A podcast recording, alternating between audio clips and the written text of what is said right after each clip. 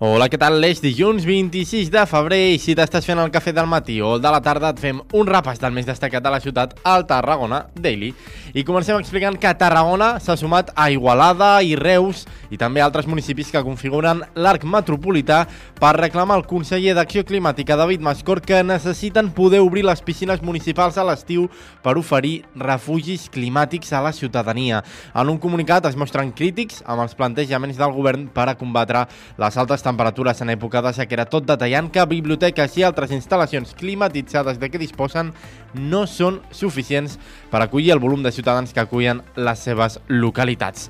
I continuem parlant d'aigua perquè la sequera està fent un caos a tot arreu. El Consorci d'Aigües de Tarragona ha reunit aquest dijous i divendres tres dels principals operadors d'aigua de l'estat espanyol a la ciutat en el marc d'una trobada tècnica de treball. Hi han arribat destacats representants de Bilbao, de Sevilla i també alguns de la Comunitat de Madrid. Segons el president del Consorci, Joan Alginet, la reunió ha servit per compartir experiències, reflexions sobre el present i futur i també per posar en comú projectes que inspiren mútuament.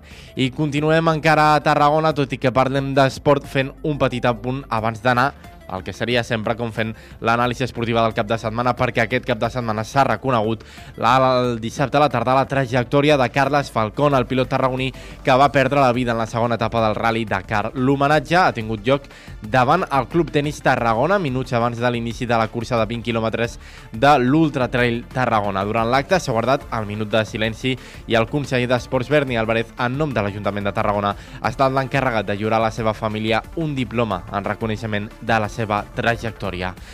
I, analitzant la setmana esportiva, derrota dolorosa del Nàstic de Tarragona a casa per 0 a 2 contra el Cué del grup Alteruel.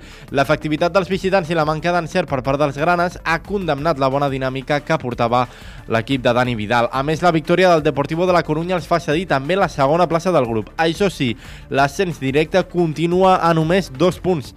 La pròxima cita del Nàstic serà dissabte vinent a les 4 de la tarda al camp de l'equip gallec de l'Arenteiro.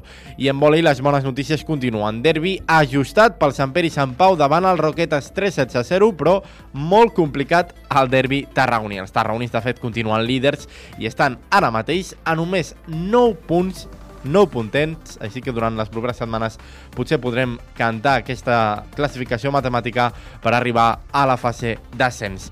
El temps, doncs, dies molt tranquil·lets encara sense gaires pluges. Jo marxo, però recorda que si vols rebre les notícies més destacades, al teu WhatsApp subscriu-te al 640 94 45 66. El Tarragona Dili Matí és una coproducció de Ràdio Ciutat i la Cersa. Fins demà!